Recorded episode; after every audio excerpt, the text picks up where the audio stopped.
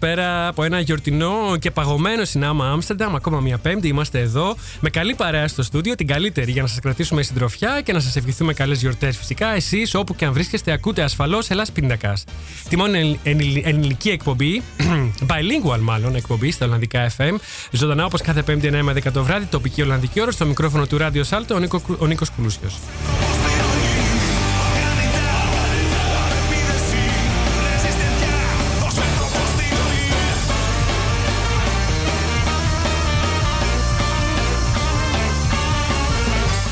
Εκπέμπουμε ζωντανά από το δημοτικό σταθμό του Άμστερνταμ. Υπάρχουν τρεις τρόποι για να μας ακούσετε live. Αν αγαπάτε το συμβατικό ραδιόφωνο και βρίσκεστε στην περιοχή του Άμστερνταμ, θα μας βρείτε στο Radio Saltus 106,8 των FM και καλωδιακά στο κανάλι 103,3 πάλι και μόνο στην περιοχή του Άμστερνταμ. Ενώ διαδικτυακά μας ακούτε παντού στον κόσμο από το ελλάσπιντακα.com. Ένα κλικ στο κουμπί Listen Now.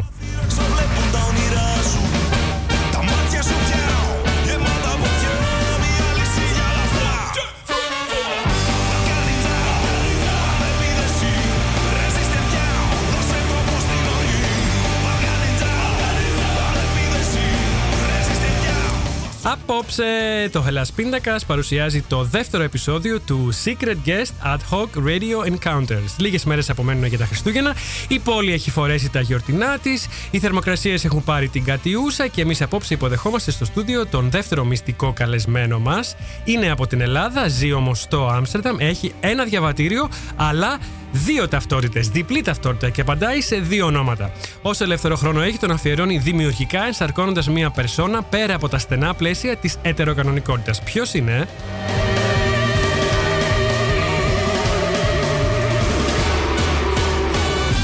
Αν είστε χρήστης λάτρης των social media, θα μας βρείτε σε όλα τα κοινωνικά δίκτυα, στη σελίδα μας σε Facebook, Twitter και Instagram. Ενώ για να επικοινωνήσετε μαζί μας ζωντανά, μπείτε τώρα στη σελίδα του Ελλάδα στο Facebook και αποστάρετε εκεί το σχόλιο σας ή γράψτε μας μέσω Twitter χρησιμοποιώντας το hashtag Ελλάσπινακα και hashtag Secret Guest.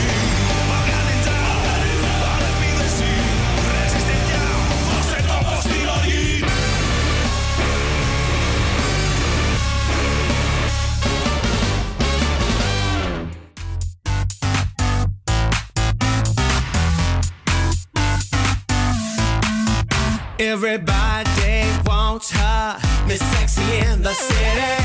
She's on the prowl. She rocked this town. Who's that girl? A fly ferocious lady. Get up and dance. Get up, get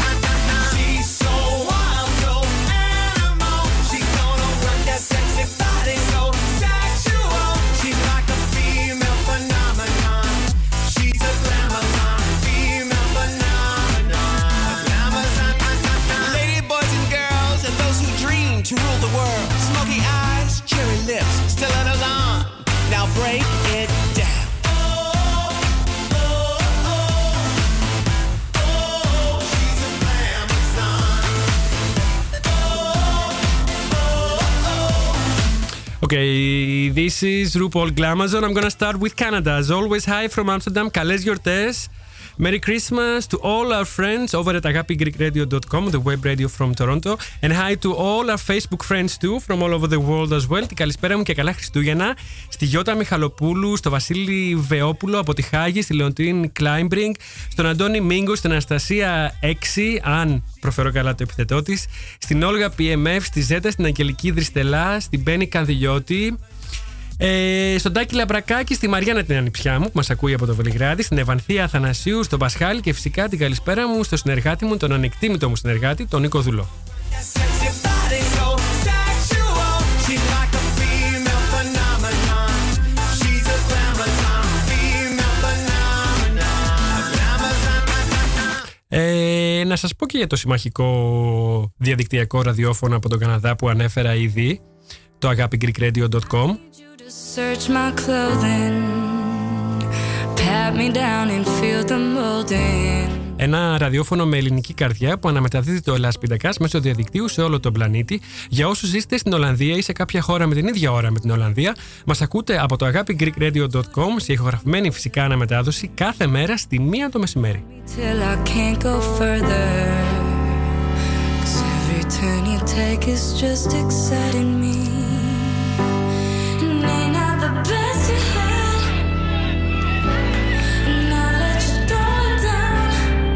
Όσοι δηλαδή χάνετε το ζωντανό Ελλάς Πίντακας κάθε πέμπτη βράδυ, μπορείτε να ακούτε την αναμετάδοση από το agapigreekradio.com κάθε μέρα στη μία το μεσημέρι. Όπως μπορείτε να κάνετε το ίδιο και από το κανάλι μας στο SoundCloud, από όπου μπορείτε και να κατεβάζετε όποια εκπομπή θέλετε και να την έχετε στο αρχείο σας.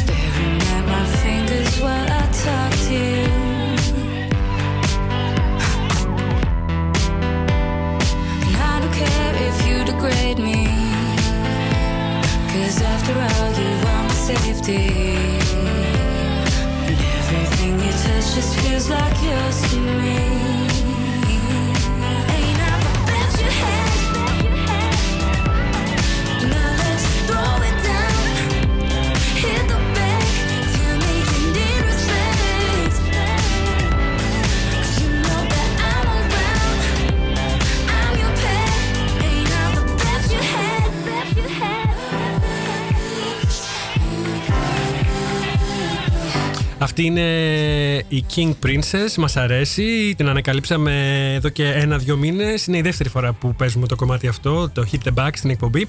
Λοιπόν, Secret Guest Ad Hoc Radio Encounters, επεισόδιο δεύτερο. Το concept το γνωρίζετε. Η ιδέα του μυστικού καλεσμένου βασίζεται στο γεγονός ότι κάθε τέτοια εκπομπή θα είναι και μια μικρή έκπληξη σε όποιον την ακούει.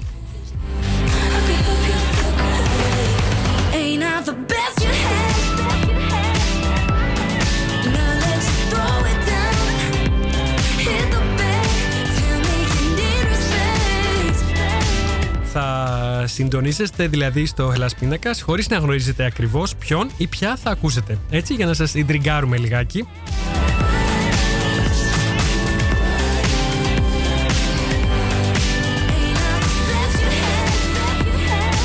Όσο για τον υπότιτλο Ad hoc ραδιοφωνικές συναντήσεις, εδώ θα κάνουμε μια πολύ μικρή παρένθεση, ειδικά για όσους δεν κάνατε λατινικά στο Λύκειο, ούτε σπουδάσατε νόμικα, ούτε τελειώσατε το γυμνάζιουμ εδώ στην ε, Ολλανδία.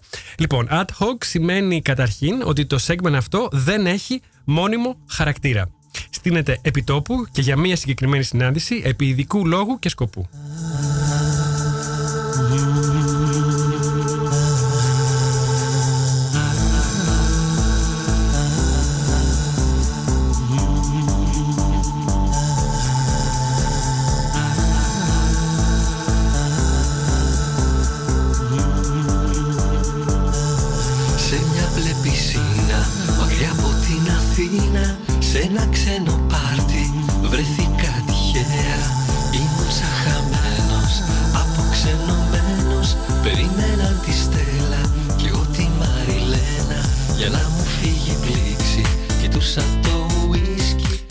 Συνέντευξη τώρα του μυστικού καλεσμένου δεν θα είναι όπως όλες οι άλλες συνεντεύξεις.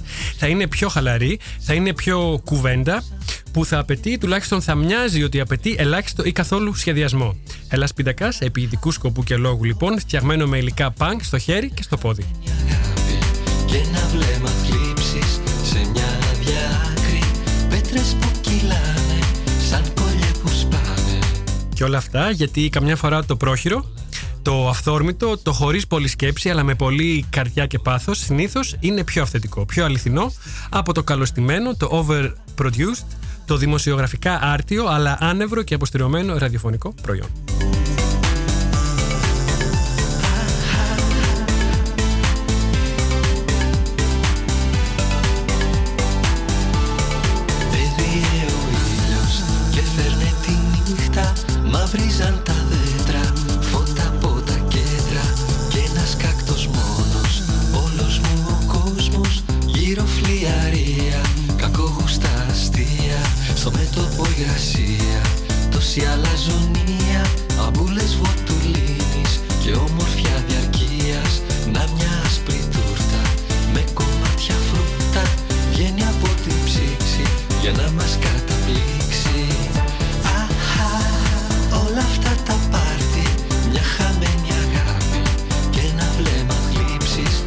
Είναι ο Κωνσταντίνος Βίδα. Το κομμάτι είναι το πάρτι, αγαπημένο κομμάτι της εκπομπής. Το έχουμε παίξει άπειρες φορές. Λοιπόν, ε, τα προηγούμενα που σας είπα ήταν μια μικρή εισαγωγή και τώρα μπαίνουμε σιγά σιγά στο ψητό. Ήρθε η ώρα της αποκάλυψης. Γεια σου, Μάικ. Χαίρετε, καλησπέρα. Καλώς όρισες στο Hellas Pindakaas. Σας ευχαριστώ. Λοιπόν, έχουμε στο στούντιο τον Μάικ ε, Κλειάνης. Κλειάνη. Ναι. Ε, εγώ θα τον έλεγα Κλειανή, έτσι τον έχω το, τονίσει σαν να είναι Γάλλος στην τελευταία μ, συλλαβή, αλλά είναι Κλειάνης. Μάικ Κλειάνης, ε, γνωστός και ως, θα το πούμε και αυτό, Να το πούμε. ως μπανάνα μουσκουρί. Μπανάνα μουσκουρί. Με, χάρηκε. με τον νη κεφαλαίο. Με νη κεφαλαίο. Λοιπόν, είναι η κυρία θα έλεγα εγώ, γιατί όχι, που βλέπουμε στο μπάνερ. Είναι η της κυρία των εκπομπής. τιμών. Είναι η κυρία των τιμών για απόψε τουλάχιστον. Ε, δεν θα πούμε όμως περισσότερα τώρα, μείνετε συντονισμένοι για να μάθετε τα πάντα για το alter ego του Mike. Ε, θα πάρουμε την ιστορία από την αρχή, ξεκινώντας. Πες μας Mike, πού γεννήθηκες και πού μεγάλωσες. Λοιπόν, ε, Ελλάδα, Ναι. το Λεμαίδα, βόρεια. Το Λεμαΐδα. Ναι, ΔΕΗ. Είσαι Μακεδονίτης είσαι Μακεδο- ή από... Ε, αγγίζει λίγο Ήπειρο; Όχι, Δυτική Μακεδονία. Όχι, Δυτική Μακεδονία, Ναι, μάλι- ναι, ναι. μάλιστα. Μάλιστα. Α, είσαι και συντοπίτης του φίλου μας, του Γιώργου του Ανδρονικίδη. Ακριβώς. Μάλιστα. Αν μας ακούει ο Γιώργος, τα φιλιά μας. Λοιπόν, Καλησπέρα. ναι, την καλησπέρα μας. Πες μας, ε, τι αναμνήσεις έχεις από εκείνα τα χρόνια, μεγαλώντας, Ε, ως το παιδί Λεμαΐδα- στο Λεμαΐδα. Ναι, ε, Πώς ήταν η ζωή; Το Λεμαίδα μεγάλωσα μέχρι γυμνάσιο. Δεν, έφ- δεν έκατσα πάρα πολύ. Μετακομίσαμε μετά Αθήνα. ε, αλλά. Πέρασες και από Αθήνα. Ακριβώς. Έχεις δηλαδή και λίγο τον αέρα του πρωτεύουσιάνου. Εννοείται. Ναι. ναι, ναι, ναι, όχι. Λίγο ε, πιο ευθεία το μικρόφωνο, αυτό ήθελα να. Είμαστε εδώ. Τέλεια. Πάρα πολύ καλά. Ε, ναι, μου λείπει το Λεμαίδα. Αρκετά συχνά να πω. Έχει, Ναι. Η Βόρεια Ελλάδα έχει έναν αέρα. Θα μας το κάνεις και λίγο πιο συγκεκριμένο. Ε, Τι είναι, τι είναι αυτό που σου λείπει; Γιατί είναι η πόλη πώς- που μεγάλωσες, που γεννήθηκες; ναι, ότι μπορεί να γνωρίζεις σχεδόν οποιονδήποτε δει στο δρόμο. Αυτό κάποτε ήταν μαρτύριο Ναι, και μετά μας λείπει και λίγο. ακριβώς. Ε; Ακριβώς. και Ναι, ναι. μετά Αθήνα, όπου η Αθήνα μου αρέσει επίσης για λόγους... ε, Σε ποιον δεν αρέσει η Αθήνα; Ναι. Ε, σε έχεις πολύ ζήσει- κόσμο δεν αρέσει η έχεις, Αθήνα. έχεις δίκιο, αλλά έχει σημεία αυτό ακριβώς. και έχει κομμάτια που νομίζω είναι αναμφισβήτητα όμορφ- στην ομορφιά τους. Και, και... Ε, μεμονωμένα έχει πολύ ωραία μέρη. έτσι Ε, είναι. το καλό είναι ότι στην Αθήνα έχουμε, έχω πολλούς φίλους σε διάφορες περιοχές, οπότε μπορώ να πάρω από παντού πράγματα. Ε, και μου λείπει και αυτό. Ε, αλλά να πω την αλήθεια, Άμστερνταμ Ναι. είναι σπίτι. Είναι Αλήθεια. το σπίτι μου. Ε, τι ρωτάω κι εγώ, αλήθεια. Έτσι θα είναι. Έτσι είναι. Πλέον. Θα έρθουμε και στο Άμστερνταμ. Ναι, ναι. Ε, μην προτρέχεις όμως. Όχι. Είμαστε ακόμα στην Ελλάδα. Λοιπόν, Τέλεια. μένουμε ακόμα Ελλάδα. Είμαστε Ελλάδα. Είμαστε Πτολεμαίδα, πήγαμε στην Αθήνα. Πες μας λίγο. Α, σε τι ηλικία πήγες Αθήνα; Ε, 14. Σχολικά χρόνια. Μάλιστα. Δε- ε, 12-14. Γυμνάσιο. Είναι, Γυμνάσιο. είναι αυτό, γυμνάσιο. Ε, Πες μας λίγο, τι, ήσουν καλός μαθητής και σε ποια μαθήματα, αυτό με ενδιαφέρει. Ου. Πού είχες έφεση, κλίση που λέμε; Ε, γενικά δεν, δεν μπορώ να πω ότι ήμουν από τους καλύτερους μαθητές. Α, πού είχες έφεση όμως, Στα Ε. καλλιτεχνικά, στη μουσική. Και όμως όχι. Μαθηματικά άλγευρα. Για είχες. κάποιο λόγο, ναι. Ενώ Είχες. μου αρέσουν τα καλλιτεχνικά, πήγαινα Ναι. πάρα πολύ καλά. Διοργάνωνα σχεδόν κάθε χρονιά τις εορταστικές. Ήμουν σίγουρος ότι κάτι θα έκανες δημιουργικό. Ναι. Ήμουν σίγουρος.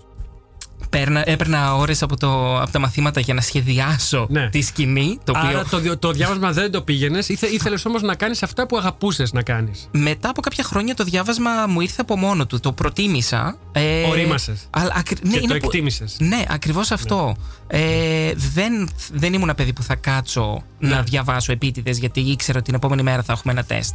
Θα γράψω ό,τι ξέρω. Και συνήθως ήταν αρκετά αυτά που Ό,τι ήξερα. ξέρω. Ωραία. Λοιπόν, ε, πες μας όμως και τι όνειρα έκανες. Ε, Τι ήθελε να γίνεις; Ναι. Ε, λοιπόν, καταρχάς είμαι κομμωτής. Ε, Ωραία. αρκετά χρόνια, ήδη από Ελλάδα. Αυτό όμως δεν νομίζω δεν ξεκίνησε από πολύ μικρή ηλικία. Αυτό ξεκίνησε από πάρα πολύ μικρή Αλήθεια. ηλικία. Αυτό ξεκίνησε ούτε καν δημοτικό στην Πτολεμαίδα. Πώς και έτσι. Κα- καμία Συνήθως ιδέα. τα όνειρα είναι ενός παιδιού είναι ας πούμε μεγάλα και λίγο υπερβολικά και λίγο έξω από το μέτρο του Ναι. δυνατού δυνατού. Δεν είναι κάτι έτσι τόσο. Δεν θέλω Τόσο να πω. μεμπτό. Καθημερινό θα έλεγα. Ναι. Ξέρεις, λίγο, λίγο πιο στα Ναι. καθημερινά. Το Ναι. όνειρο του Ας πούμε κομμωτή που πιλότος, είχα- αστροναύτης και τέτοια περί, περίεργα. Ναι, νομίζω όμως ότι σε αυτά τα όνειρα δεν μας αφήνουν να πάμε και ιδιαίτερα. Δηλαδή θα ήθελα Γι' αστροναύτη. αυτό είναι και όνειρα. Αλλά Γι' πού αυτό να- είναι και όνειρα. Πού να σου πει ο Καταλαβαίνω. πατέρας στην Πτολεμαίδα πώς θα Όντως, γίνεις όντως. αστροναύτης. Ηθοποιός, σκηνοθέτης, αυτό. Ε, δεν θα με πείραζε καθόλου. Ναι, ναι, ναι. Έχω υπάρξει και μέλος σε αερασιτεχνικέ Καταλαβαίνω. ομάδες. Ήμουν σίγουρος. ε, αλλά όχι, γενικά κομμωτής από μικρός. Α, το είχες δηλαδή Το το, είχα- μικρόβιο. Ε, Μάλιστα. Ε, το έκανες πραγματικότητα στην Ελλάδα όσο Το ήσουν; έκανα στην Ελλάδα. Α. Ε, Δούλεψες εν ως μέση κομμωτής. ηλικίου, δούλεψα κάτω, πήρα κάτω το πτυχίο μου κανονικά. Ωραία. Ε, το θέμα είναι ότι ξεκίνησα λύκειο κανονικά με την α, προοπτική και την ιδέα ότι θα πάω πανεπιστήμιο. Γιατί αυτό πιέζαν οι γονείς και αυτό θα θέλανε. Είχατε δέσμες. Ε, όχι ακόμα, δεν είμαι τόσο μεγάλος, ευχαριστώ. όχι, όχι, έχω δώσει κανονικά με πανελίνε. Ήμασταν τότε στα 9 μαθήματα. Α. Οπότε ήμουν, όχι το 12, δεν πρόλαβα τη χειρότερη Τι, χρονιά. τι είχατε τότε, κατε, κατευθύνσεις; Ε, Είχαμε κατευθύνσεις ακριβώς. Και ποια ήταν η κατεύθυνση σου; Ε, πήγα τεχνολογική. Γιατί δεν, Wow. ε, θεωρητικά δεν θα ήθελα με τίποτα. Θετικά μ, δεν το συζητάμε. Ναι. Πάμε τεχνολογικά για να δούμε πού θα βγει. Μάλιστα. Ε, Πατέρας Έδω- αρχιτέκτονας. έδωσες. Α. Και θα ήθελε εργολάβος αρχιτέκτονας και θα ήθελα να πάω προς τα εκεί. Ε, Θα σου πω, μου αρέσει πολύ και αυτή η κατεύθυνση, αλλά δεν έχω την υπομονή της.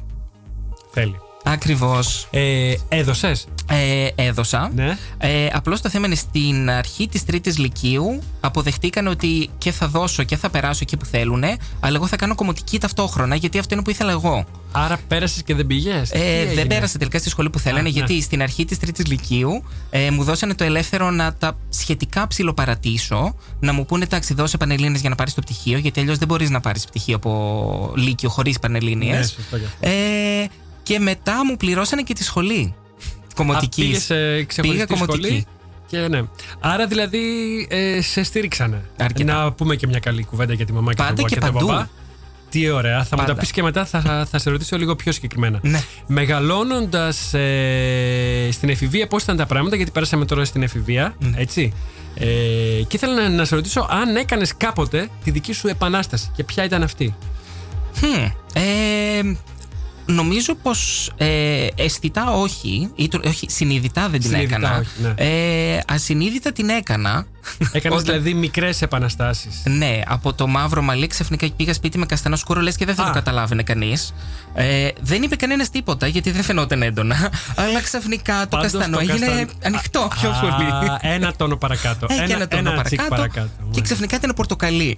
Μάλιστα. Εγώ μία φορά τους είχα πει ότι ε, έπεσε ένα λεμόνι. Σαν κομμωτής θα Τώρα φύγω η από το εκπομπή δεν στούντιο. είναι για μένα. λοιπόν, ναι, ναι. Ε, άρα να τολμήσω να πω ότι είχες ανακαλύψει από νωρίς την ταυτότητά Ναι, σου. Ναι. αρκετά. Δεν νομίζω ότι υπήρχε άτομο που να Παραξενεύτηκε. Ένιωθε ότι ήσουν διαφορετικό από ό,τι υπήρχε γύρω σου ως mainstream; Ε, Το ένιωθες ως κάτι διαφορετικό; όχι, δεν το ένιωθα σε κάτι διαφορετικό, Όχι. γιατί και από το σπίτι υπήρχε πάντα μία αγάπη. Ποτέ δεν υπήρξε θέμα με κανένα μέλος της οικογένειας. Ακόμα και, αν, ε, και όταν καταλάβαιναν ότι εί- είσαι μάλλον γκέι. Ε, ναι, κοίτα. Ε, Α πούμε, τον πατέρα μου μπορεί να ήμασταν πολύ κοντά, αλλά δεν, θα κάτσαμε, δεν θα κάτσουμε ποτέ να κάνουμε μια συζήτηση εκ βάθου. Ναι, ναι. Δεν, δεν υπάρχει λόγος με κάποια άτομα. Ναι. Ε, οπότε δεν θα θυγόταν ποτέ αυτό το θέμα. Ωραία. Ε, το Σου δέχτηκε έδινε όμως το χώρο σιωπηλά. σου; Πάρα πολύ. Απίστευτα. Ε, η μητέρα ήταν ακριβώς πάρα πολύ κοντά. Ναι. σε σημείο ότι στην τρίτη Τόσο κοντά που λυκείου- νομίζω ότι η μητέρα καταλαβαίνει και ξέρει. Ε, σε και μένα δεν χωρίς μπορείς... να, Ναι, και όχι. χωρίς να πεις κάτι, ε. Ε, Ισχύει. εγώ δεν βγήκα καν ποτέ από την τουλάπα, όπως Δεν λέμε. χρειάστηκε. Δεν χρειάστηκε. Ήταν, ήταν εκεί. ε, οπότε η μητέρα μέχρι που πλήρωσε και extension στην τρίτη λυκείου, γιατί πώς θα πάω πενθήμερη χωρίς μακρύ μαλλί. Δεν ήταν ωραίο, αλλά το έκανα. Αγαπάμε τη μαμά, Κλειάνη. λοιπόν, το όνομά της Αριστεία. Αν μας ακούει η κυρία Αριστεία, τα φιλιά μας και καλές γιορτές να έχουν και οι δύο γονείς σου και όλοι οι Πτολεμόνοι. Φαντάζομαι είναι ακόμα εκεί. Ε, η μητέρα είναι Αθήνα, γιατί Α. η μαμά είναι από κάτω, ο μπαμπάς. Έφυγε. Μάλιστα. Ναι. Λοιπόν, ε, πες μου τώρα, από την τουλάπα είπες δεν χρειάστηκε να βγεις. Όχι ιδιαίτερα. Στον εαυτό σου, στους φίλους σου, νομίζω όμως Ε, κάποια στιγμή ναι, στην αυ- Ελλάδα, Ήτανε... σε κάποιους φίλους. Ναι, ναι, ναι. Α πούμε, στο Λύκειο δεν, χρειά... δεν ήμουνα ποτέ τελείως ανοιχτά. Δεν έβγαινα για να συζητήσω με γκομενικά, γιατί δεν υπήρχαν και γκομενικά εκείνη την περίοδο. Ναι, ναι. Γιατί ενώ μπορεί Εκείνη να το την ξέρει. περίοδο και σε εκείνη την πόλη. επίσης. Ακριβώς. όσο, ε, γιατί είμαστε Αθήνα, ναι, μεν. Α, ήσαν αλλά Αθήνα και ήδη. πάλι είναι μικρή κοινωνία εκεί που είσαι στο σχολείο και όλοι οι Ναι. φίλοι. Οπότε, όσο ανοιχτός και να είσαι, δεν μπορείς να είσαι και πολύ ανοιχτός. Ναι, ναι, ναι. Ε, δεν υπ- υπήρξε συζήτηση αργότερα, αλλά όχι συζήτηση να σας πω κάτι, ήταν Ναι. συζήτηση, συγγνώμη, να σας συστήσω το αγόρι μου. Α, έτσι. Γιατί Κατευθείαν. δεν υπάρχει άλλος. Μμμ. Από την Ελλάδα τότε γιατί έφυγες, αν τα πράγματα ήταν πάνω κάτω βατά; Ναι. Ε, 2009 ήδη. Το 2009. Το 2009, ένα τικ πριν από την επίσημη κρίση, αν Ναι. μπορούμε να το πούμε έτσι. Ναι. Ε, Απλώς γιατί ήθελα μία αλλαγή. Ωραία. Ε, μετακόμισα Άμστερνταμ με τον πρώην μου, ε, με τον Θάνο, Μάλιστα. με τον οποίο ήμασταν μαζί αρκετό Την διάστημα. επιλέξατε την ε, Ακριβώς. πόλη ε, συγκεκριμένα; Ναι, ε, βασι- Η επιλογή ήταν συγκεκριμένη; Περίπου. Ήταν ε, επιλογή δια διαγραφής άλλων επιλογών. Αχα. Γιατί ε, 2009 πού θα μετακομίσεις; Στην Ναι. Αγγλία που ήδη έχουν μια κρίση, Γερμανία χωρίς γερμανικά. Και τελικά λέμε γιατί όχι Ολλανδία. Α, μάλιστα. Ξεκινάς με τα αγγλικά και μαθαίνεις τη γλώσσα σιγά σιγά. Ωραία. Και έτσι ήρθαμε. Ωραία. οι, οι δυο σας ήρθατε. Οι δυο μας, χωρίς να ξέρουμε κόσμο. Ναι. Ε, ένας γνωστός γνωστού μας παρέλαβε από το αεροδρόμιο και από τότε ό,τι έχουμε κάνει θα πω σχετικά μόνοι μας. Και Είστε ακόμα μαζί; Όχι, όχι, είμαστε πολύ καλοί φίλοι. Είστε πολύ καλοί φίλοι, αλλά είστε και οι δύο, ε, Είμαστε και οι ακόμα δύο εδώ. ακόμα εδώ σταθερά. Ε, έχει γίνει βάση. Ε, δεν είμαστε μαζί. Είμαστε χαρούμενοι ο ένας για τον άλλον. Αυτό αρκεί. Ωραία.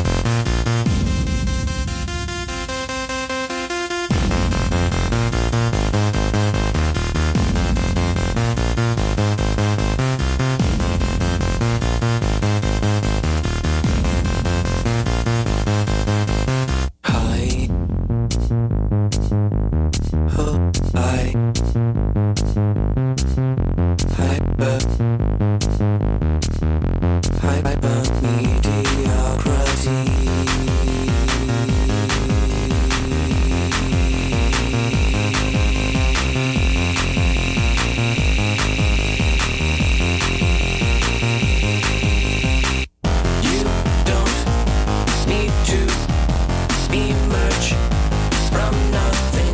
You don't need to away. Feels good.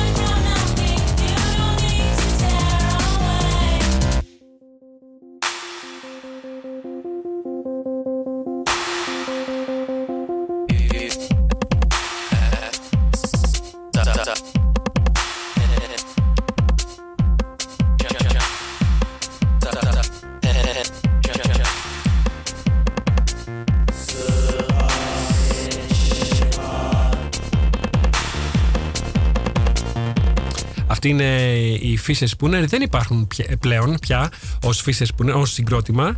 Υπάρχει φυσικά ο Casey Spooner. Θα τον βρείτε και στα social media, στο Instagram και στο Facebook. Ε, και ο κύριος Fisher φαντάζομαι θα υπάρχει κάπου. Ε, μ, αλλά ως μπάντα δεν υπάρχουν. Το κομμάτι λέγεται Immerse και είναι αγα- αγαπημένο κομμάτι από νομίζω εποχή 2003. 4 Ancient History που θα Δεν λέγαμε. έχω ιδέα. Λοιπόν, τώρα, όταν ήρθες στο Άμστερνταμ, πες μας λίγο πώς βρήκες την πόλη, αν ήταν αυτό που περίμενες, ποια ήταν τα, ε, τα πρώτα έτσι, θέματα που αντιμετώπισες εδώ ως ε, expat; Ε, γενικά δεν υπήρχαν πολλά αρνητικά να έχω συγκρατήσει. Γενικά ξεχνάω τα αρνητικά γιατί βοηθάει πολύ. Οκ, ας πούμε σπίτι. Ε, σπίτι. Δουλειά. Ήμασταν, με το σπίτι ήμασταν απίστευτα τυχεροί. Α, μπράβο. Βρίσκαμε σπίτι μέσα σε δύο εβδομάδες. Ναι. Και έτυχε να μείνει ο δεύτερος, ο Θάνος, ε, πέντε χρόνια. Οπότε κανένα σε εκείνο πρόβλημα. το σπίτι. Σε εκείνο πρώτο το, που ένα. είχατε βρει. Τέλεια. Ε, δουλειά; Δουλειά. Εκεί δυσκολεύτηκα αρκετά. Γιατί ε, χωρίς Ολλανδικά σε κομμωτήριο ήταν λίγο δύσκολο να δεχτούν. Ε, τελικά βρήκα ε, μετά από ένα εξάμεινο, το οποίο να πω την αλήθεια εκείνο το εξάμεινο ήταν λίγο δυσκολάκι. Τώρα ξέρεις ότι υπάρχουν και Έλληνες με δικά τους κομμωτήρια. Το γνωρίζω και γνωρίζω Τουλάχιστον και τα παιδιά. Δύο που ξέρω εγώ. Επίσης. Και είναι όλοι κοντά στην περιοχή μου εκεί. Ρόζεχρα. καλησπέρα στα παιδιά. Καλησπέρα στα παιδιά. Γεια Ο σας. Πάνος έχει έρθει εδώ. Έχει. Ε, Α, ο άλλος ο φίλος, δεν θυμάμαι και το όνομά του, είναι καινούρια φίλος, είναι καινούρια γνωριμία. Α. Δεν έχω προλάβει καν να του πω ότι έχω εκπομπή. Απλά πέρασα μία μέρα και κάπως έγινε. Δεν θυμάμαι πού τον βρήκα. Ότι είναι Ναι. Έλληνας, νομίζω στο Facebook. Και του είπα μια καλησπέρα, αλλά δεν ξαναπέρασα. Λοιπόν. Ε, ναι, για, για Ναι, πες μου, άρα λοιπόν, τι έκανες μέχρι να. Στην αρχή λίγο βολευτείς; δύσκολα. Ευτυχώς. Έκανες δηλαδή δουλειές. Ε, μ, ό,τι βρεις. Όχι. Ναι, Περίμενα τι για να έκανες; πάω στην κομμωτική. Αλήθεια. Ε, ήρθαμε με ένα budget το οποίο εντάξει δεν ήταν μεγάλο, βασικά ήταν αρκετά μικρό. Ευτυχώς ήρθαμε Ήσασταν δύο. δύο. Ήμασταν Είναι δύο. πολύ σημαντικό Αυτή αυτό. είναι πολύ μεγάλη διαφορά. Πάρα ότι πολύ. μπόρεσε να με στηρίξει ο, ο φίλος. Ναι. Ε, να, είναι, να είναι καλά. Α, να, ακριβώς ας να είναι, είναι καλά. και πρώην. Να είναι Ακριβώς. καλά. Ε, αλλά Ναι. ε, τελικά τη βρήκα τη δουλειά. Πήγε πολύ καλά. Θυμάμαι ακόμα και τώρα, 10 χρόνια μετά, την Είσαι ημέρα στο που ίδιο που είσαι και ξεκίνησα- τώρα; Όχι, όχι. Όχι. Ε, μία Θες, αλλαγή. θες να πούμε; Δεν υπάρχει λόγος. Δεν υπάρχει λόγος, οκ. Εντάξει. Δεν είμαστε για διαφήμιση εδώ πέρα. Καθόλου. Μόνο για την μπανάνα. Μόνο για την μπανάνα. Μόνο στην μπανάνα Ακριβώς. και στο House of Hopeless. House of Hopeless. Θα κάνουμε Αγαπάμε. διαφήμιση. Λοιπόν, ε, θυμάμαι ακόμη και τώρα την πρώτη μέρα στο κομμωτήριο, στο, η πρώτη δουλειά Ολλανδία, είναι και η πρώτη μέρα που το απόγευμα έκανα μαθήματα Ολλανδικών. Πού; Αυτό αξίζει να μας το πεις. Μέσω δημαρχείου, τα κλασικά μαθήματα Α, ναι, που ωραία. σε στέλνει. Ε, Επίσης, να πω ότι με στείλανε σε λάθος μαθήματα. Δηλαδή, Έχασα ένα Σε άλλο εξάμεινο. επι- επι- επι- επίπεδο; Ε, όχι Τι- σε άλλο πτυχίο. Με στείλανε επειδή μπορείς να κάνεις τη γλώσσα και μπορείς να κάνεις και το ε, integration. Ε, Α, το οποίο. το- Inburgering, όπως λένε και οι Ολλανδοί. Inburgering. Το οποίο αυτό Α. εμεί δεν το χρειαζόμαστε. Επίσης, Εγώ νομίζω το Inburgering έκανα. Ναι. Αλλά για τη γλώσσα μόνο. Δηλαδή δεν έκανα και, το, και την εξέταση. Υπάρχει ένα πολύ μεγάλο παράδοξο. Όλα τα μαθήματα είναι στα Ολλανδικά Ναι. για πράγματα της Ολλανδίας, τα οποία καλό Ναι. είναι να τα μάθεις. Ναι, ναι, ναι. Ε, αλλά στέλνουν άτομα που δεν μιλάνε Ολλανδικά. με αποτέλεσμα να είμαι εκεί πέρα έξι μήνες χωρίς να Έτσι, καταλαβαίνόμαστε. Στα βαθιά, στα βαθιά. Ποια βαθιά, στα βαθιά. Ανάσα. Ε, Ε, άρα μιλάς. μιλάω τώρα, μπορώ να πω και άπτεστα, ναι. Ε, Δουλεύεις στα Ολλανδικά; Δουλεύω στα Πλέον, Ολλανδικά. Οι πελάτες σου είναι κατά 80-90% Ολλανδοί. Ναι. Ε, 70 θα πούμε, γιατί έχω 70. και πολλούς expats, όχι μόνο Έλληνες και άλλες Α, εθνικότητες. σε- έρχονται σε σένα επειδή είσαι expat, μάλλον; Ε, υπάρχει Ή είναι από συνδυασμός. τον κύκλο σου, έτσι, λίγο που είναι πάνω κάτω expat. Μετά από 10 χρόνια δεν υπάρχει πλέον. ο- δεν είναι η η ιδέα του κύκλου. Γιατί ο κύκλος Ναι. μεγαλώνει, μεγαλώνει και έχει υποκύκλους. Ναι. Οπότε υπάρχει και το συνεννοιόμαστε, έρχομαι Ναι. σε σένα Ναι. και είμαι και χαρούμενος με το αποτέλεσμα, έρχομαι σε σένα. Εντάξει, δεν Ωραία. πειράζει. Ε, Πες μου τώρα, ε, Ολλανδούς φίλους έκανες, έχεις; Ναι, Στενούς φίλους. πολλούς. Αλήθεια. Ναι, επίσης- Μέσω του. της μπανανά. Ε, λοιπόν, μέσω της μπανάνας επίσης. Τώρα που το ρώτησες έτσι, ναι, δεν το είχα σκεφτεί Είσαι ποτέ. ο μόνος Έλληνας Ναι. που ρωτάω αυτή την ερώτηση και η απάντηση είναι πολλούς. Ε, Συνήθως υπάρχει ναι. ένας ένας δισταγμός.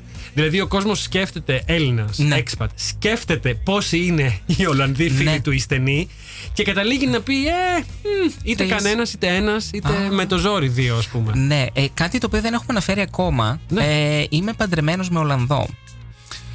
Ο Ωραία. σύζυγος είναι Ολλανδός. Αυτό εγώ δεν θα στο ρωτούσα γιατί δεν το ήξερα καν. Ναι, δεν ήξερα πειράζει. ότι, είσαι, έχετε- ότι έχεις δεσ- Ναι, ναι, ναι. δεσμό, δεν ήξερα ότι είστε παντρεμένοι εδώ. Δεν έφτασε. Μάλιστα. Άρα έχεις και τους φίλους. του φίλου σου. είχα και αρκετούς φίλους πριν από το Ρικ. Ναι. Ε, σε Ρίκος σύζυγος. Ε, που απλώς Να τους τολμήσω να πω σύστησα. ότι ήταν, ότι- ότι ήταν μάλλον γκέι φίλοι; Ε, Οι Ολλανδοί. Όχι. Α, Έχω και κάποιους φίλους οι οποίοι Μπράβο. δεν είναι στην γκέι κοινότητα. Μπράβο. Ε, είναι και όμως. του θεωρείς φίλους σου; Δηλαδή, τους θεω... Κάποιους θα- αρκετά θα Αρκε- μπορούσα να πω. κάποιους, Ε, Ναι. Κοίτα, με, την, α, με τους κύκλους γενικά που κινούμε μπορούμε Ναι. να πούμε μία Ναι, του ναι. κομμωτηρίου, Ναι, ναι. μία, μία της νυχτερινής ζωής, μία Ναι. της μπανάνας, Ναι. ε, μία το πάρτινγκ σκέτο. Ναι, ναι, ναι, ναι, ναι. Ε, Γνωρίζεις άτομα τα οποία δεν περιμένεις να γνωρίσεις. Το nightlife. Ναι. Ναι. Και κάποια από αυτά τα άτομα τα βλέπεις μια δεύτερη φορά, μια τρίτη φορά και είσαι λίγο γιατί δεν πάμε να βγούμε για Απλά ένα οι καφέ; Ολλανδοί, βρε παιδί μου, έχουν, αυτό το, έχουν ο καθένας την κλίκα του. Ένα το κρατούμενο. Ναι. Έχουν ο καθένας το πρόγραμμά του που συνήθως είναι πάρα πολύ busy. Α, Ναι. Έχουν ένα εκατομμύριο πράγματα. Έχουν τις τις οικογένειές τους εδώ, όπως και εμείς Ναι. στην Ελλάδα, με τις υποχρεώσεις του και όλα αυτά. Ε, και ακόμα και να θέλουν, είναι λίγο δύσκολο να αποκτήσεις αυτή τη σχέση, τη φιλική που έχεις όταν είσαι, ας πούμε, ίσως και πιο νέος. Ναι. Για να είμαστε ειλικρινείς. ναι, στην εντάξει. Ελλάδα που βγαίνετε μαζί, κοιμάστε μαζί, τρώτε μαζί, μαγειρεύετε μαζί, πηγαίνετε διακοπές μαζί. Είναι λίγο δύσκολο να έχεις Ολλανδούς φίλους σε ναι, τέτοιο αλλά επίπεδο. αν Αυτό το θέλω να δεις πω. με αυτή την έννοια του φίλου, Ναι. έτσι ναι, να το δεχτώ. Α, αλλά OK, OK. υπάρχουν και άλλες έννοιες φίλων, φίλοι, οι οποίοι όπως και από την Ελλάδα, μάλλον θα έχεις κι εσύ, που Ναι. μπορεί να μην μιλήσεις για ένα τρίμηνο Αυτό το και πιάνεις δέχομαι. τη συζήτηση έτσι. Αυτό το δέχομαι. Ε, είστε φίλοι χωρίς καν να βρεθείτε; Ε, Μέσα σε θα ένα μιλάμε μήνα, μέσω μέσα σε ένα, ναι. μηνυμάτων. ε, Πες μου κάτι άλλο όμως. ναι. Είναι οι Ολλανδοί σου φίλοι, φίλοι στους οποίους μπορείς να στηριχτείς για κάτι που θα χρειαστείς; Μπορείς να τους πάρεις οποιαδήποτε στιγμή τηλέφωνο και να ζητήσεις κάτι; Νιώθεις την άνεση και το ελεύθερο; Από αυτούς σε σύνολο θα μπορώ να σου πω ίσως και τρεις. Μικραίνει ο αριθμός. Μικραίνει, αλλά δεν είναι. Οκ. Όχι, δεν. ε, απλά θέλω να δω πόσο δύσκολο ή εύκολο είναι τελικά Ναι. ε, για κάποιον ιδίως που δεν ταιριάζουμε και πάρα πολύ στην νοοτροπία και στον τρόπο Ναι. ζωής απαραίτητα. Γενι, Νομίζω- γενικεύω τώρα. Ναι, Οκ. εγώ, εγώ νομίζω ότι πιο πολύ κοντά, κολλάω στην νοοτροπία και την ιδέα Ναι. της Ολλανδίας, σαν, Εσύ. των Ολλανδών σαν Ολλανδία. Δώσ' μου ένα παράδειγμα. Δηλαδή. Ανέφερες πριν από λίγο ότι οι Ολλανδοί έχουν μία ατζέντα Είσαι γεμάτη. πάντα στην ώρα σου. Είμαι πάντα στην ώρα μου. Όσο, όσο μπορώ. Συγγνώμη, φίλοι που ακούτε που δεν ήμουν Το στην ώρα μου. διέκρινα ε, ε, προσωπικά αυτό σήμερα. Βέβαια, αν υπάρχουν άλλοι φίλοι που έχουν αντίθετη γνώμη, παρακαλώ Ακριβώς. να μας γράψουν τώρα. Να μιλήσει τώρα, αλλιώς να σοπάσει για πάντα. Για πάντα. Ε, δηλαδή, όταν βλέπεις τηλεόραση, δεν μιλάς φωναχτά στην τηλεόραση. Όχι. Δεν αντιδράς. Όταν μιλάς στο τηλέφωνο, δεν, ου- δεν ουριάζεις. Όχι, όπως γιατί κάνουν δεν οι ακούω. Έλληνες. δεν μπορώ. Όχι, όχι, δεν το κάνω αυτό. Επίσης, έχω μία ατζέντα την οποία την ακολουθώ ευλαβικά γιατί με βοηθάει πάρα πολύ να έχω μία δομή στην ημέρα μου. Άλλο της δουλειάς. Όχι. Έχεις ατζέντα και για τα προσωπικά σου Ε, θέματα και για, γιατί την, ε, έχω για πο- τον ελεύθερο σου χρόνο. Έχεις ατζέντα για τον ελεύθερο σου χρόνο; Με όλα αυτά που κάνω, θεωρείς ότι θα είχα χρόνο να τα κάνω αν δεν, τα- δεν τα οργάνωνα. Κοίταξε, αν έχει να κάνει με ακτιβισμό και performance στα πλαίσια του, της μπανάνας, ναι, Ναι. συμφωνώ. Συμφωνώ, εκεί πρέπει να είσαι επαγγελματίας. Ναι. Γιατί ό,τι και να είναι πρέπει να γίνεται καλά για να Ναι. έχει και το αποτέλεσμα που θέλουμε. Λοιπόν, πες μας κάτι άλλο τώρα. Πες μου. Η γκέι κοινότητα πώς ήταν όταν ήρθες εδώ; Ήρθες βέβαια με τον φίλο σου. Ναι. Ε, πολλοί πιστεύουν, πολλοί γκέι πιστεύουν ότι είναι αρκετά μ, fierce θα έλεγα η γκέι κοινότητα εδώ. Είναι αρκετά σκληρή, είναι αμείλικτη όπως σε κάθε πρωτεύουσα ίσως. Τα πρότυπα είναι πολύ συγκεκριμένα, τα standards είναι αρκετά υψηλά. Υπάρχει ανταγωνισμός, δεν ισχύουν αυτά; το eye roll του Σέντι. Δεν ισχύουν αυτά; Ε, ίσως να ισχύανε παλαιότερα. Κοίταξε, εσύ ήρθες όμως και ήδη με το δεσμό σου εδώ, άρα Ναι. δεν είχες να αποδείξεις τίποτα και σε κανέναν. Ε, όχι. Είχε μια ασφάλεια. Ε, Για είχα μια κάποιον που είναι ασφάλεια μόνος προσωπική, αλλά να σου πω ότι από τη στιγμή που ήρθαμε μέχρι και σήμερα έχει αλλάξει αρκετά η σκηνή τουλάχιστον του Άμστερνταμ. Για πες μας. Ε, δεν είναι όσο ανοιχτή ήτανε. Δεν είναι τόσο Γιατί; δεκτική όσο ήτανε. Γιατί; Ε, γιατί Τι όπως, άλλαξε; Ε, νομίζω ότι γενικά είναι ένα, δι- ένα διεθνές φαινόμενο τα τελευταία χρόνια ε, το οποίο οτιδήποτε πλέον μας ενοχλεί μπορούμε να του δώσουμε ένα όνομα και να το, να το αναγνωρίσουμε όμως αυτό αρχίζει ταυτόχρονα να ενοχλεί και κόσμο που δεν θα ήθελε να το αναγνωρίσει αυτό. Είτε πρόβλημα είτε ιδιότητα.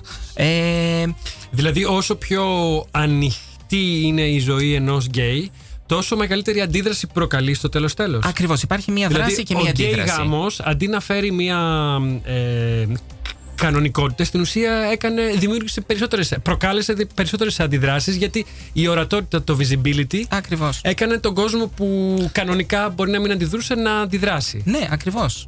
Ε, αυτό όμως εμάς δεν μας ε, πτωεί, δεν μας Καθόλου. σταματά. Δεν, δεν ήρθα εδώ για να ξαναμπώ στην τουλάπα που δεν ήμουν ποτέ. Ναι, ναι, ναι, ναι, δεν ναι, χρειάζεται, ναι. δεν υπάρχει λόγος. Ε, Απλώς ε, υπάρχουν και στιγμές που θα βγω από το σπίτι μου, θα βγει από το σπίτι η μπανάνα, θα μιλήσουμε στο, σε αυτήν- στο τρίτο πρόσωπο Ναι. ε, και θα κοιτάξει δύο-τρεις φορές αν την κοιτάει κανένας ή αν την ακολουθεί κανένας. Αχα, Ενώ ο, Μιχα... ο Μάικ δεν θα το κάνει ο Μιχάλης. αχα, αχα, αχα. Έχουμε. Ναι.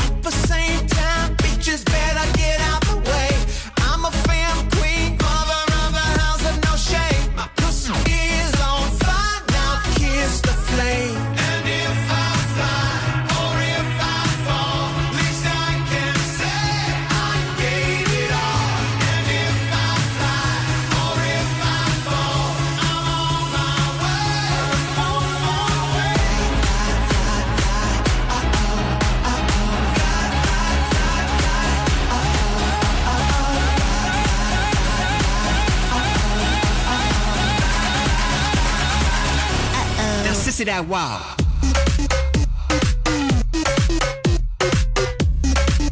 Κάνουμε και voting. Ε, βέβαια, βέβαια, το ζητάει και το κομμάτι. Εννοείται. Ε, δεν θα μπορούσαμε να μην παίξουμε ακόμη ένα από τα αγαπημένα κομμάτια της RuPaul, το Sissy That Walk. Όσοι βλέπετε το Drag Race, θα το ξέρετε. Λοιπόν, ε, κλείσαμε με την μπανάνα μουσκουρί.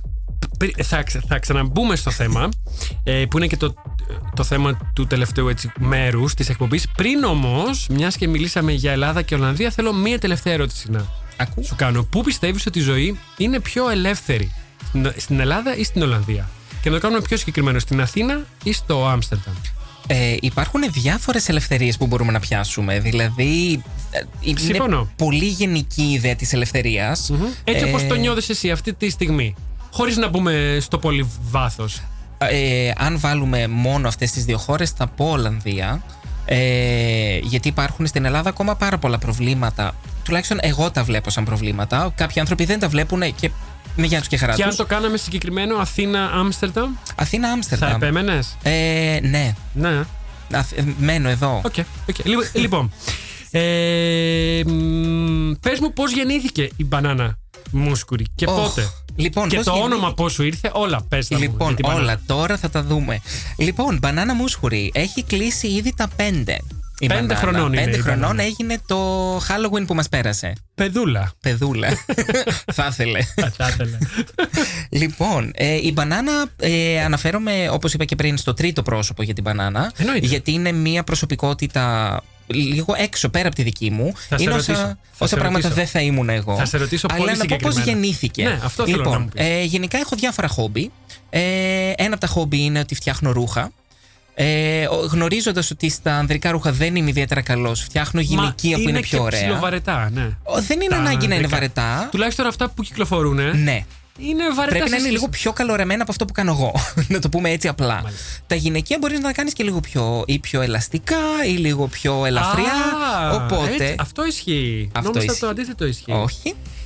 Τα- το ανδρικό ρούχο πρέπει να είναι πιο καλοραμμένο. Ε, πρέπει να είναι, τουλάχιστον να είναι λίγο Γιατί; πιο, θα έλεγα, crispy, δεν μου έρχεται η ελληνική λέξη. Ναι, ναι, ναι. Ε, για να, αν θα φανεί η ραφή, να φανεί κανονικά δηλαδή στο μανίκι ή οτιδήποτε. Ενώ το γυναικείο, αν ρίξει ένα καφτάνι, βρε αδερφέ. Επειδή είναι πιο είναι αέρινο. λίγο πιο ας πούμε, και αέρινο, πιο- χάνει μάλιστα, οτιδήποτε μάλιστα. ατέλεια Οκ. έχω φτιάξει. Ενώ το ανδρικό πρέπει να είναι στημένο και γραμμωμένο. ας να πούμε, είναι και πάνω στην σε τρίχα. σένα, πάνω στα μέτρα σου. Α. Ενώ για την μπανάνα μπορώ να τα φτιάξω σε μία κούκλα και θα μου είναι λίγο στο περίπου ok. Στο Μιχάλη δεν μπορώ να τα κάνω πάνω μου γιατί θα καρφιτσωθώ.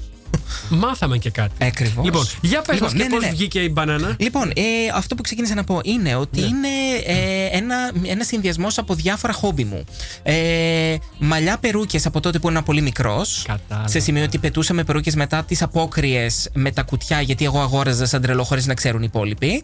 Ε, το make-up το οποίο ήρθε και μέσω της σχολής αλλά και προσωπικής μου, ε, προσωπικού μου ενδιαφέροντος. Ναι. Ε, βάλε και τα ρούχα. Βάλε και την λίγο θεατρική εμπειρία από πριν. Το θεατράλε που το έχεις μάλλον. Και ναι. ξαφνικά ένα μεσημέρι λέω θα ανέβω στη σκηνή. Και λίγο το, το queer στοιχείο. Τι- Λίγο, διακριτικά. Όσο πάτησε ένα, ελέφαντα. Λοιπόν. Ε, Ήταν όμως μέρος του κινήτρου. ήταν- είναι έτσι. μέρος εκεί πέρα κανονικά. Ε, σήμερα είμαι λίγο ντυμένος πιο φυσιολογικά να πω την αλήθεια. Γενικά μου αρέσουν τα ρούχα, τα, τα Εντάξει, ωραία, σήμερα λίγο τα είσαι και σε fancy. άλλου είδους αποστολή. Ναι, σήμερα δεν Ε, υπάρχει κάμερα. Παρόλο που θα βγούμε selfie. Να τη βγούμε τη selfie. Ξέχασα να σου το πω, αλλά Ναι, ναι, δεν ναι. με πειράζει. Ε, μ, και η μπανάνα μουσκουρη γεννήθηκε στην Ελλάδα. Όχι, η μπανάνα μου Όχι. γεννήθηκε εδώ πέρα. Εδώ ε, μου είπες 5 χρόνια, Πέντε χρόνια. και είσαι 10 στην Ολλανδία. Ναι, ναι, ναι, 11 Μάλιστα, πλέον Ολλανδία. 11. Ωραία. Ε, το όνομα πώς Το όνομα. Λοιπόν, καταρχάς η μπανάνα είχε βαφτιστεί αλλιώς στην αρχή από εμένα, ε, που θεώρησα πανάθεμά Ναι. να μου ότι ε, ήταν και. Πώς να πω, εύξ- έξυπνο το όνομα το προηγούμενο. Δεν ήταν, δεν χρειάζεται να το πούμε. Και έχουμε κάτσει για ένα κρασί με κάποιους φίλους. Ναι. Και είναι ένας. Είναι ο, ο φίλος, ο, ο, σύ- ο σύντροφος ενός φίλου. ναι, ναι. Ολλανδός αυτός, αλλά με πολύ μεγάλη γνώση στην Ελλάδα. Και λίγο μάλλον μεγαλύτερης ηλικίας, τουλάχιστον μία Όχι μία γενιά ιδιαίτερα. που να γνώριζε τη Μούσχουρη. Όχι, ιδιαίτερα. Οκ. Και αυτό με εξέπληξε πάρα Ναι, πολύ. Και σκεφτόμαστε ναι, να ναι. βγάλουμε Έχει ονόματα. περάσει νομίζω, έχει γίνει classic αυτό που λέμε. Ναι. Η- Είναι iconic. Είναι, θα, είναι icon. θα γυρίσω εκεί πέρα σε Και τη λίγο. Θα σου γνωρίζουν πω και, και για οι το νέοι. Ναι, όνομα. ναι, ναι, ναι. Λοιπόν, και είμαστε και καθόμαστε για τα κρασιά καλή ώρα και προσπαθούμε να κάνουμε brainstorming. Και γυρίζει ο, ο Tim και κάνει νάνα, νάνα, νάνα, νάνα μπα- μπανάνα. Μπανάνα μπανάνα. μούσχουρη. Νάνα μπανάνα. Και εκείνη την ώρα το σκέφτηκα πολύ, να σου πω την αλήθεια, γιατί απ' τη μία είναι πολύ φαν, είναι ωραίο, αλλά δεν θα ήθελα, ε, αν ποτέ φτάσει στα αυτιά της κυρίας Μούσχουρη, να μην το θεωρήσει σαν ε, κακοπροαίρετο ή κακεντρεχές. Ε, γιατί δεν είναι. Η αλήθεια είναι ότι είναι η μεγαλύτερη Ναι. Ή, ας πούμε, τιμή. Ότι, είναι, ότι κοροϊδεύεις λίγο. εμ, ναι, Ναι, σα- δεν την κοροϊδεύω. σαρκάζεις. Δεν, ακριβώς. Ναι, ναι. Ε, σαρκάζω Κοίταξε. την τεράστια επιτυχία που είχε. Νομίζω είναι πλέον ε, προτυπο και σε πάρα πολλά drag, drag show που, που ε, το, έχει, το έχει αποδειχτεί και η ίδια. Ακ- Ναι. Ακόμα και αν μην έχει δει Ναι. τίποτα από αυτά, ξέρει νομίζω, τις έχουν πει, Ναι. τις έχουν μεταφέρει, ότι την έχουν ε, Να σου πω κάνει πάρα πολύ drag performance. Ναι. Τα τελευταία χρόνια στη Γαλλία υπάρχει ένα τεράστιο κίνημα. Ε, άτομα κάνουν τατουάζ μπανάνες με τη μούρη της νάνας. Με δουλεύεις. Όχι. Το, έχω, το βρήκα μετά, κατά λάθος, ψάχνοντα εννοείς κάτι για μένα. μπανάνες με τη Ε, μούρη; κανονικό μπανάνα, μία μπανάνα, μία κυτρινούλα. Ναι. Λίγο έτσι ανοιχτή από πάνω να φαίνεται από Τι μέσα. φοράει το γυαλί το τετράγωνο; Ακριβώς.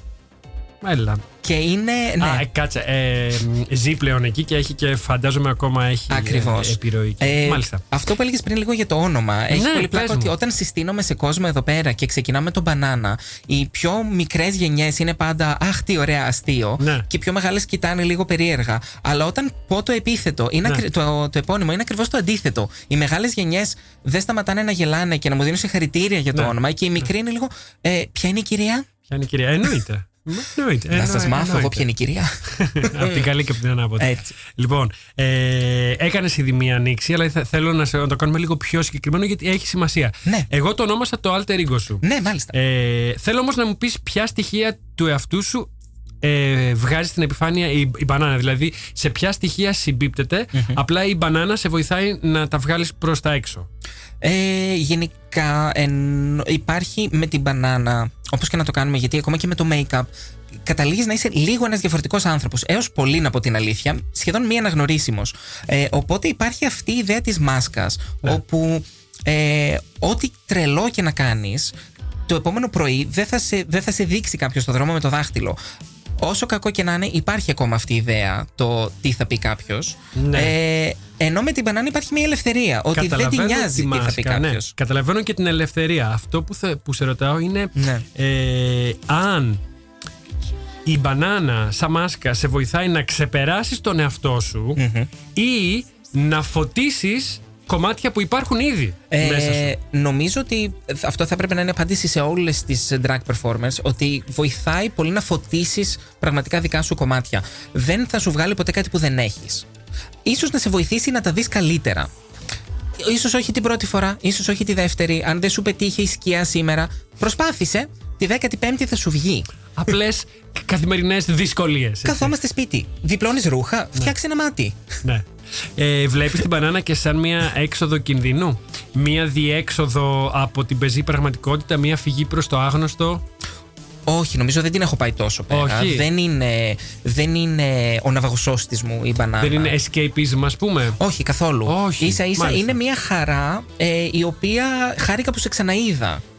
Α, Την οποία δεν τη βλέπεις κατευθείαν όταν κάτσει στον καθρέφτη. βγάζει μια παιδικότητα, σου θυμίζει κάτι από Ακριβώς τα το παλιά, μια, αντίθετο. μια νοσταλγία γιατί λες που σε ξαναείδα. Όχι, την μπανάνα γιατί Α, ναι. δεν τη βλέπεις ενδιάμεσα από Κατάλαβα, παραστάσεις τη ή από βλέπεις, ε, show. ναι, ναι, ναι. Και ξαφνικά όταν γυρίσεις σπίτι με την κούραση, βγάζεις όλο το make-up, Ναι. δεν τη βλέπεις. Άρα είναι σαν ένας ε, παλιός φίλος Ναι, είναι. που επανέρχεται Ακριβώς. σε τακτά χρονικά διαστήματα. Ναι. Ε, μ, πες μας τώρα, α ναι, ήθελα να σε ρωτήσω αν είναι μια ιδεατή ε, version του εαυτού σου η, μπα- η μπανάνα. Αν είναι κάτι που θα, που θα ήθελες να ήσουν Ναι.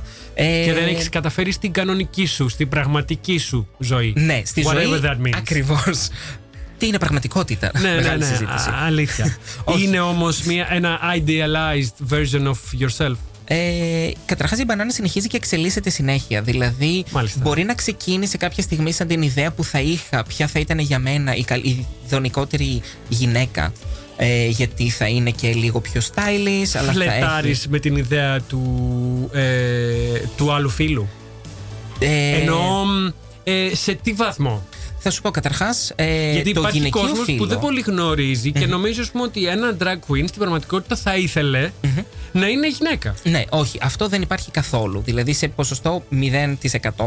Ε, γνωρίζω ε, ποιος είμαι, γνωρίζω το τι θέλω, γνωρίζω και επίσης το τι δεν θέλω. Ναι. Ε, γνωρίζω ότι η μπανάνα είναι ένας χαρακτήρας. Ε, θεατρικός, μη θεατρικός, ένας χαρακτήρας Ναι. που κάνει improv. Μπορούμε να το πούμε και έτσι. Ε, βέβαια. Ε, αλλά όταν γυρίσει στο σπίτι το βράδυ και βγάλει το make-up, δεν είναι η μπανάνα, έχει Ναι. μείνει ο Μιχάλης. Ναι, ναι. Έχει μείνει ο Μάικ. Μάλιστα. Άρα δηλαδή τραβάς μια γραμμή Την έχω τη γραμμή. κάποια για- στιγμή μέσα στην ημέρα ή Ναι. αφού συμβεί όλο το νταβαντούρι. Αυτό χρειάστηκε να Τραβάς το μια κάνω. γραμμή και επιστρέφεις στο Μάικ. Ναι, επίσης. Αυτό ισχύει. Sorry που Ναι, σε συγγνώμη, διακόπτω. ακού- ναι, δεν υπάρχει θέμα. Διακόπτω λίγο και τη ροή σου, αλλά ε, μου έδωσες έτσι αυτό για να.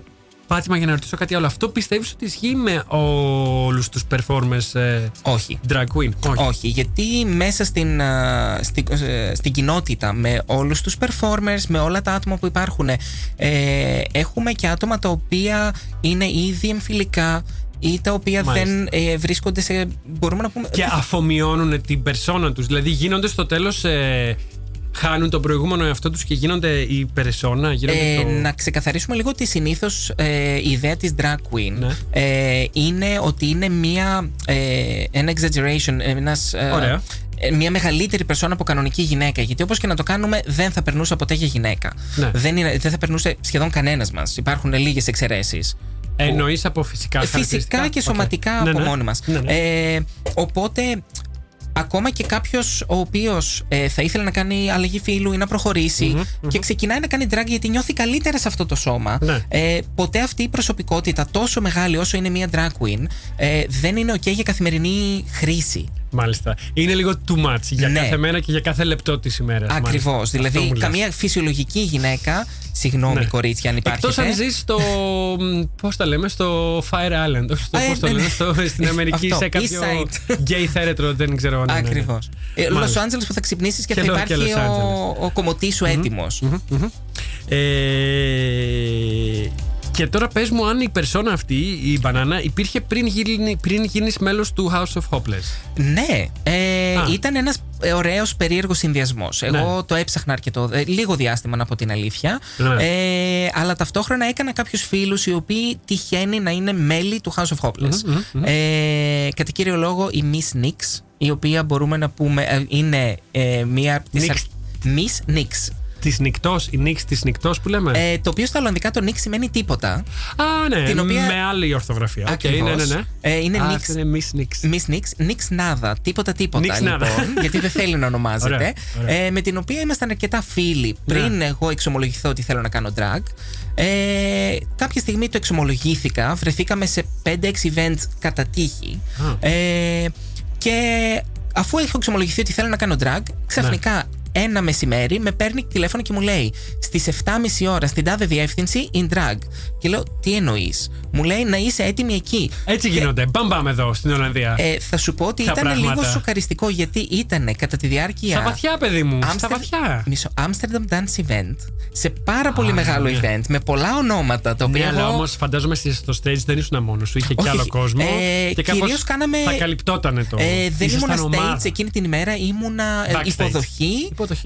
Ε, και να κάνουμε Ξέρουν. χαβαλές στον κόσμο. Ξέρουν πώ να. Ναι, Σε εννοείται. βάλουν σιγά σιγά. Αλλά όταν έρχονται πνεύμα. διάσημοι που κάποιο τρόπο. Ξέρεις τους... ότι μας έχουν μείνει τέσσερα Όχι, λεπτά; συγγνώμη. Τέλος πάντων. Όχι, Και έτσι όχι, δεν, ξεκίνησε η δεν, δεν είναι μπανάνα. δικός σου λάθος.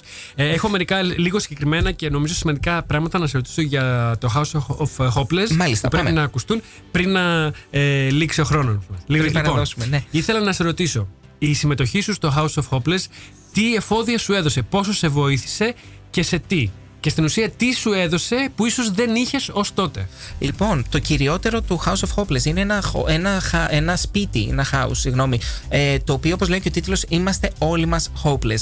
Κανένας δεν ξέρει τι του γίνεται. Αλήθεια. Έχουμε μια ιδέα. Αυτό Ε, είναι το concept. Ε, η- εντάξει, η μάνα, η μητέρα Ναι. του σπιτιού, Jennifer Hopeless. Είναι, ο Ρίτσαρτ, ο ακριβώς. Ρίτσαρτ Κελδούλη, Ελληνοαυστραλό, ιδιοκτήτη του Club Chess που έχει έρθει και εδώ στην εκπομπή Ακριβώς. αυτή. Ναι. Ε, είναι παράφραση της Jennifer Lopez, το οποίο όμως, αφού είμαστε hopeless, πάμε να το χρησιμοποιήσουμε. Φοράμε σημαία μας μια φούστα. Ναι. Και ε, εκεί μέσα αυτό, το κυρίως, ε, το μεγαλύτερο πράγμα που έμαθα Ναι. είναι η αποδοχή.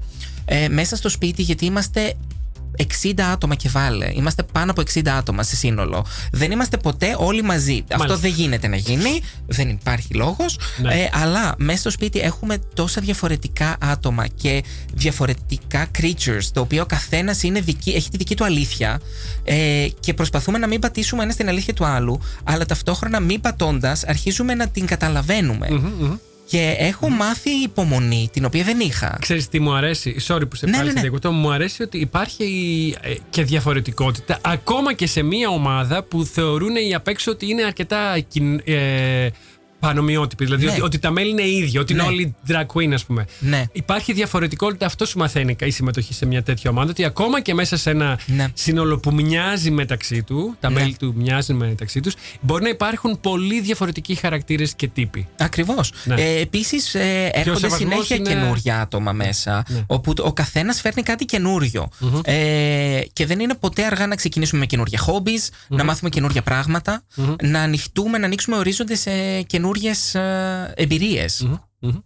Ε, λοιπόν, έχει και ακτιβιστική δράση. Ναι, μάλιστα. Πολύ μεγάλη, μάλιστα. Πάρα πολύ μεγάλη. Ε, ήθελα όμως να σε ρωτήσω κάτι. Ναι. Ε, δεν θα σε ρωτήσω αν θεωρείς τον εαυτό σου ακτιβιστή. Δεν, δεν θα σε ρωτήσω αν θεωρείς ότι το drag είναι και πολιτική πράξη. Θα πάω κατευθείαν στο ψητό. Λοιπόν, η ερώτηση είναι παρόλο που το drag γίνεται σιγά σιγά mainstream, Ναι. ίσως και μόδα, έτσι. Παρόλο που ο γκέι γάμος ή η γκέι συμβίωση έχει κατοχυρωθεί σε περισσότερες τουλάχιστον από τις ευρωπαϊκές χώρες. Ο ρατσισμός και η ομοφοβία δεν έχουν καταλαγιάσει. Αντίθετα, σε μερικές περιπτώσεις φαίνεται να φουντώνουν. Πώς το εξηγείς αυτό; Είπαμε κάτι στην αρχή. Το Ας είπαμε, το κλείσουμε όμως πιάσαμε έτσι. λίγο εκεί πέρα. Το πιάσαμε λίγο. Ε, είναι αυτό που το αναφέραμε και στην αρχή, μπορώ να Ναι. νομίζω. Ναι. Ε, το καλό ότι ε, υπάρχει δράση και αντίδραση. Και όσο πιο φωναχτά κάνουμε εμείς, προσπαθούμε να πάρουμε το μερίδιο της κοινωνίας που μας, ε, που το δικαιούμαστε. Γιατί ο καθένας άνθρωπος έχει κάποια δικαιώματα. Ωραία. Λοιπόν, Εκεί μας ακολουθήστε τρώνε. την Μπανάνα Μούσκουρη στα social media. Ευχαριστώ πάρα πολύ, Μάικ. Εγώ ευχαριστώ πολύ. Μπανάνα Μούσκουρη που ήσουν εδώ μαζί μας. Ήταν ε, πολύ σημαντικά όλα όσα είπαμε απόψε και ακούστηκαν από την εκπομπή. Ακολουθεί η εκπομπή Finger Popping Soul εδώ στο Radio Salto. Το Folkende και Ντουντουι. Γεια. Baby,